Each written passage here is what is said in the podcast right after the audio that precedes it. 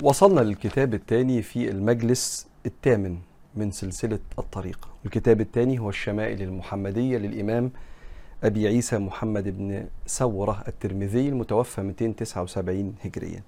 فكر حضراتكم أن الشمائل المحمدية هو كتاب يعرفك ويعلقك بسيدنا محمد عليه الصلاة والسلام. يتكلم عن صفاته الخلقية ويتكلم عن صفاته الخلقية صلى الله عليه وسلم. وصلنا في الكتاب إلى باب ما جاء في صفة أكل رسول الله صلى الله عليه وآله وسلم. كان بياكل إيه وبياكل إزاي؟ قال آه كعب بن مالك آه كان يقول أن النبي صلى الله عليه وسلم كان يلعق أصابعه ثلاثا. هشرح لك الموضوع ده دلوقتي. و آه عن أنس بن مالك قال كان النبي صلى الله عليه وسلم إذا أكل لعق أصابعه الثلاث. وكان سيدنا أبي جحيفة يقول كان النبي صلى الله عليه وسلم يقول أما أنا فلا آكل متكئا. كان يقعد صلى الله عليه وسلم قعدة المتخشع كده احتراما للنعمة إذا أكل.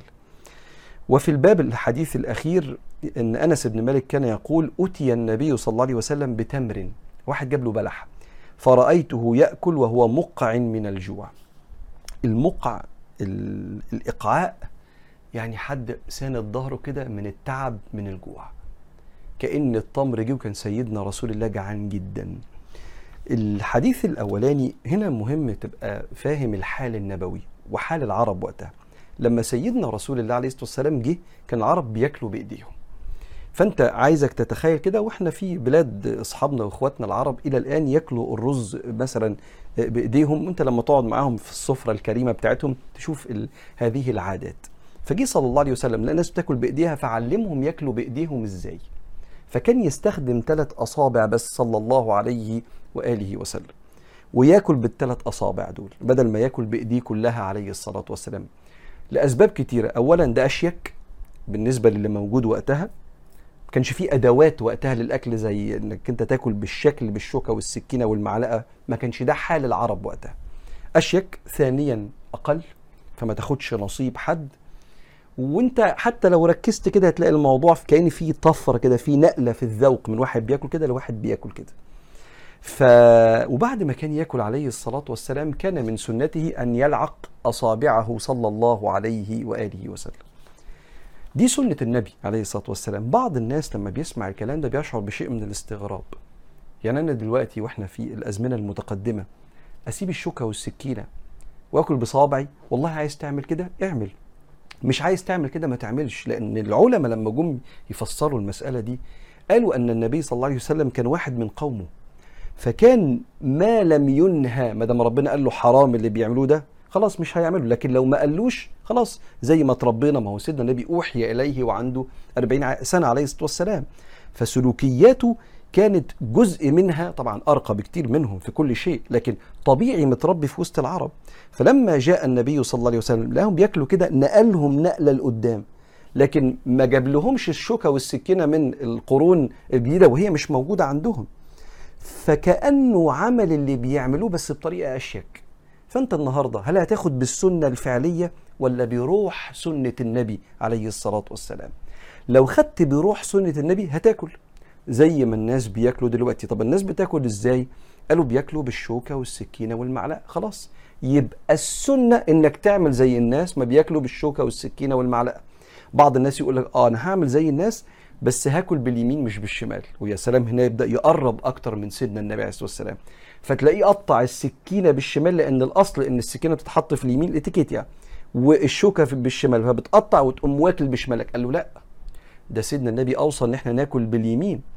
فيقوم حاطط الشوكة في يمينه ويقطع السكينة بالشمال.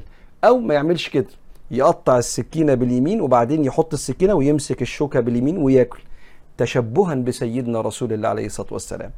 فلو قادر إنك أنت في مجتمعك تعمل زي سيدنا النبي تاكل بصوابعك ويبقى ده شيء بالنسبة لمجتمعك مقبول وأنت حاسس بأريحية كان بها. مش عايز تعمل كده لأن المجتمعات تغيرت طبق روح سنة النبي الذي كان فردا من قومه فيأكل زيهم بس ينقلهم نقلة أرقى شوية فأنت كل بالشوكة والسكينة وبالمعلقة زي ما قومك بياكلوا. تقول لي طب أنا عايز ألعق أصابع أصابعي زي النبي اعمل كده لو تقدر. ولو ما تقدرش وحاسس إن ده شيء بالنسبة للناس مش مستساغ أو مش مفهوم محتاج شرح طويل ما تعملش كده. الموضوع كله مش خناقة ومش موضوع للجدال. وكان العلماء يقولوا في بعض أقوالهم الجميلة قوي يقول لك من السنة ترك السنة أو من المستحب ترك المستحب لتأليف القلوب. من المستحب ترك المستحب لتأليف القلوب. فأنا النهارده قادر إن أنا آكل بصوابعي الثلاثه والعق صابعي زي سيدنا النبي. جميل. لا لو عملت كده يبقى شيء يثير شيء من الاستغراب ومش هبقى مستريح ولا اللي حواليا مستريحين. لا راحتك وراحة الناس أولى من التطبيق النصي لهذه السنة. إنما طبق التطبيق روح السنة والمعنى اللي وراه إنك تبقى واحد من الناس زي ما النبي كان عليه الصلاة والسلام فرد من قومه صلى الله عليه وسلم يوحى إليه. فاعمل الأريح بالنسبة لك. وفي بعض الأوقات قد تترك المستحب علشان يبقى فيه أريحية. وكانوا مثلا كتير يضربوا مثل بإن أنا مش قادر أطلع السواك قدام الناس اللي بالنسبة للناس السواك دي حتة خشبة. ما يعرفوش تاريخ السواك ولا عود الأراك ولا السنة وبعمل كده وصوت الغسيل سناني قالوا لا انت كده ممكن الناس في الصلاة وهي ما تعرفش السنة دي تبقى عندها شيء كده من الاستغراب ده مين اللي بيغسل سنانه قدامنا في الجامع ده؟ فقال لك من المستحب ترك المستحب لتأليف القلوب. حابب تعمل المستحب؟ اعمله. لو اللي حواليك قادر يستسيغه وشرحته وفهمته وكلنا متعلمين. مش قادر تعمل كده تاكل بصابعك وتلعق. كل بالشوكة والسكينة. خلي مرة يعني إيه خليك كده السكينة في اليمين آسف الشوكة اللي في اليمين عشان تبقى بتاكل باليمين زي سيدنا النبي صلى الله عليه وسلم. أما هو فكان بياكل بصابعه ولعق الأصابع صلى الله عليه وسلم. يجي العلم بقى يكتشف إن الأصابع لما بتلعقها فيها مادة مش عارف بتشيل الحموضة. كلام جميل جدا. اكتشفوا العلم. أو ما اكتشفوش العلم إحنا ورا النبي عليه الصلاة والسلام. لغاية ما العلم كل يوم يبرز لنا جمال وإعجاز سنة النبي. طب ما اكتشفش حاجة العلم صلى على النبي عليه الصلاة والسلام إحنا مكملين لأن النبي بالنسبة لنا يوحى إليه صلى الله عليه وسلم وهو معيار الشياكة عليه الصلاة والسلام بالنسبة لنا. باب ما جاء في صفة خبز رسول الله صلى الله عليه وسلم. قال عن عائشة أنها قالت ما شبع آل محمد صلى الله عليه وآله وسلم من خبز الشعير يومين متتابعين حتى قبض رسول الله صلى الله عليه وسلم. من كتر ما سيدنا رسول الله كان بينفق إحساس المسؤولية إحساس كبير. والناس كلها كانت بتلجأ للنبي. والنبي عليه الصلاة والسلام كان عنده حاجة كده كان ما يطلبش من الصحابة يساعدوه في كفالة الناس إلا لما يخلص اللي عنده. لما يخلص اللي عنده يبقى يقول يا جماعة من يضيف ضيف رسول الله؟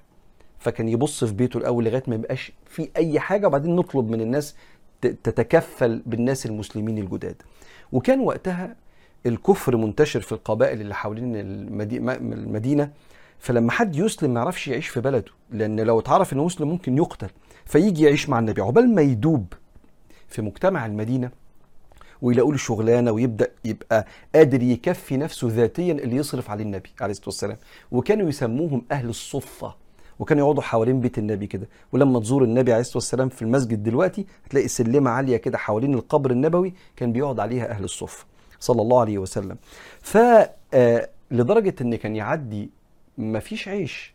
وإيه؟ ده خبز الشعير يعني مش أعلى أنواع الدقيق ده, ده حتى من الشعير. ما شبع النبي صلى الله عليه وسلم ولا آل النبي من خبز الشعير يومين ورا بعض. لما كان بينفق على طول فكانوا ما بيلحقوش يشبعوا في بيت النبي صلى الله عليه وسلم. يا أخي يعني إيه الهمة لما بتبقى عالية بتتعب في مرادها الأجسام كما يقول أهل الهمم يعني في الأشعار بتاعتهم. وعن أبي أمامة الباهلي يقول ما كان يفضل عن أهل بيت رسول الله صلى الله عليه وسلم خبز الشعير. كانش يبقى عندهم عيش زيادة أبدا. صلى الله عليه وسلم. وعن ابن عباس قال كان رسول الله صلى الله عليه وسلم يبيت الليالي المتتابعة طاويا. طاويا يعني جعان. هو وأهله لا يجدون عشاء وكان أكثر خبزهم خبز الشعير. كتير كان يعدي على النبي عليه الصلاة والسلام لما كان بيشارك لقمته مع الغلابة يعدي عليه أيام يبقى جعان. صلى الله عليه وآله وسلم. بص كده لجوانب حياة النبي هتلاقي أعلى حاجة في كل وقت وفي كل حاجة. وأطيب حاجة وأكرم حاجة في كل وقت وفي كل حاجة. يعني كتير جدا ما تبص على سيدنا محمد وتقول له زي ما سيدنا عمر كان بيقول له حضرتك بتعمل كده ليه يا سيدنا النبي؟ ربنا ما كلفكش بكده. كتير. يجي له الراجل يقول له يا رسول الله عايز منك أي حاجة أي مساعدة أي أكل. يقول له معيش بس روح السوق اشتري. ولما تيجي تدفع قول له محمد هيجي. قل على محمد أبقى أنا أجي أدفع بعدين. فسيدنا عمر يقول له ما كلفك الله بهذا؟ ما حضرتك مش عندك؟ قول له ما عنديش. قول له ربنا يسهل لك ربنا يكرمك. رده كده بميسور من القول. لكن ليه حضرتك تقول اشتري من المول ولا من السوق وأنا هبقى أجي ادفع بعد كده؟ فتكلف نفسك حاجة ربنا ما أمركش بيها. فالكلام كده إيه؟ النبي يبص كده مش يعني مش عايز أسمع مش ده يا عمر. فسيدنا بلال يقول له يا رسول الله أنفق ولا تخشى من ذي العرش اقلالا أنفق. فيبتسم ويقول وبهذا أمرت. أيوه ده. فهو حاجة كبيرة قوي عليه الصلاة والسلام. ويقول لنا سيدنا سهل بن سعد في الحديث اللي بعديه آه أنه قيل له أكل رسول الله النقي يعني الحوارة اللي هو الدقيق الأبيض اللي هو يعني إيه أشيك حاجة بيتعمل منها العيش الخبز. إحنا بنقرأ في باب ما جاء في خبز رسول الله عليه الصلاة والسلام. فقال سهل ما رأى رسول الله صلى الله عليه وسلم النقى حتى لقي الله عز وجل. فقيل له هل كانت لكم مناخل على عهد رسول الله عليه الصلاة والسلام؟ قال ما كانت لنا مناخل. قال كيف كنتم تصنعون بالشعير؟ قال كنا ننفخه فيطير ما طار ثم نعجنه. هو سيدنا رسول الله في البيت كان عنده منخل. المنخل تحط فيه الشعير بال بال بالقشرة بتاع البذرة والقشرة بتاع الدقيق. فالمفروض تعمل كده فينزل الدقيق الناعم البيور الصافي نعمل منه العيش.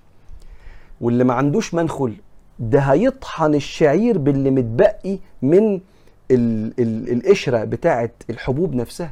فإحنا ما كانش عندنا مناخل كنا ننفخ فيه كده فيطير شوية قشر واللي متبقي من القشر مع الشعير نقعد نطحن فيه وناكله زي ما هو كده كان ياكله النبي صلى الله عليه وآله وسلم. ثم الحديث اللي بعد كده يقول سيدنا أنس بن مالك ما أكل نبي الله صلى الله عليه وسلم على خوان ولا في سجرج ولا في سكرجه ولا خبز له مرقق. قال فقلت لقتادة فعلى ما كانوا يأكلون؟ قال على هذه السفر. الخوان بكسر الخاء وهو ما يرتفع ليؤكل عليه من الطعام. ما يرتفع يعني ترابيزة. عمره ما قعد على ترابيزة أو طبلية صلى الله عليه وآله وسلم. حياته كانت أسرع من كده. ما كانش الموضوع ده مهم بالنسبة له. أي حاجة نقعد على الأرض. سفرة يعني حتة قماشة بتتفرد كده ويتحط عليها الطبق. زي عندنا الكيس البلاستيك كده اللي هو بت... عارف انت الرول ده نفرده ونقعد على الأرض كده فكان بياكل كده صلى الله عليه وسلم. ولا في سكرجه السكرجه بضم السين والكاف والراء المشددة في إناء صغير يوضع فيه الشيء القليل المشهى للأكل كالسلطة والمخلل. عمره ما صلى الله عليه وسلم كان عنده مواضيع كتير كده على السفرة. فيبقى مثلا طبق فيه سلطة وطبق فيه شوربة وطبق فيه الحوادق والمخلل والرز وبعدين مش عارف إيه الحلو وبعدين البروتين. ما كانش عنده النبي كده عليه الصلاة والسلام. كان بياكل أكلات بسيطة جدا جدا في حتة قماشة مفروضة على الأرض أو جلدة ونحط عليها الطبق. ده مش دعوة إنك أنت ما تاكلش الأكل اللي في بيتك اللي بيبقى متقسم التقسيمة الحلوة دي. إنما دي كانت حياته عليه الصلاة والسلام. ولم يأمر بذلك. بل رأى الصحابة ربنا موسع عليهم وكان بيدعي لهم بالتوسعة. وكان سيدنا أبو بكر الصديق يقول اللهم وسع علي في الدنيا وزهدني فيها ولا تزويها عني وترغبني فيها. وسع علي أكل واشرب وانبسط. لما واحد من الصحابة قال مش هاكل لحمة تاني لأنها بتقوي شهوتي؟ نزل القرآن قل من حرم زينة الله التي أخرج لعباده. والطيبات من الرزق. قل هي للذين آمنوا في الحياة الدنيا خالصة يوم القيامة. الحساب بتاعها خلصان مش هتتحاسب عن أكل الحلال. كل وانبسط اللحمة والرز والشوربة و... بس النبي كانت حياته كده عليه الصلاة والسلام. ولم يأمر بذلك إنما كانت حياته كده. فأنت بتعرف حياة النبي دلوقتي. ليه؟ عشان لو مر عليك وجبة ما كانش فيه أكل اللي متبقي أكلناه في ال... ما كانش فيه طبيخ النهارده فأكلنا حاجة بسيطة نعمة. عدى عليك مرحلة من حياتك كان عندك ضائقة مالية فكان الأكل بسيط؟ أديك تشبهت بالنبي عليه الصلاة والسلام وخدت نصيب ورث من حياة النبي عليه الصلاة والسلام. لكنه لم يأمر بترك الطعام لكن دي كانت حياته صلى الله عليه وسلم. ناخد الحديث الأخير عن مسروق قال دخلت على عائشة فدعت لي بطعام وقالت ما أشبع من طعام فأشاء ما أشبع من طعام فأشاء أن أبكي إلا بكيت. قلت لما؟ قالت أذكر الحال التي فارق عليها رسول الله صلى الله عليه وسلم الدنيا والله ما شبع من خبز ولحم مرتين في يوم. مسروق تابعي من تلامذة السيدة عائشة.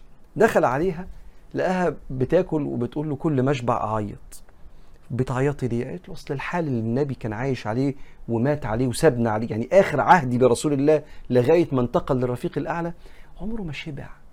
من الخبز ولا اللحمة مرتين في اليوم. يعني لو في وجبة مشبعة تبقى مرة في اليوم. لكن ما يبقوش ما يبقاش عنده وجبتين زي الفطار الحمد لله تمام شبعت. والغداء اللهم لك الحمد شبعت. والعشاء اللهم لك الحمد لله شبعت. لا هو كان يشبع مرة في اليوم وبقية اليوم الأكل كان يبقى بسيط جدا صلى الله عليه وسلم. فكل ما تشبع تعيط وتبكي وتفتكر حال النبي عليه الصلاة والسلام. فكان هذا باب ما جاء في خبز رسول الله وأكل رسول الله. ونكمل المرة الجاية إن شاء الله في كتاب الشمائل المحمدية للإمام الترمذي. شكرا.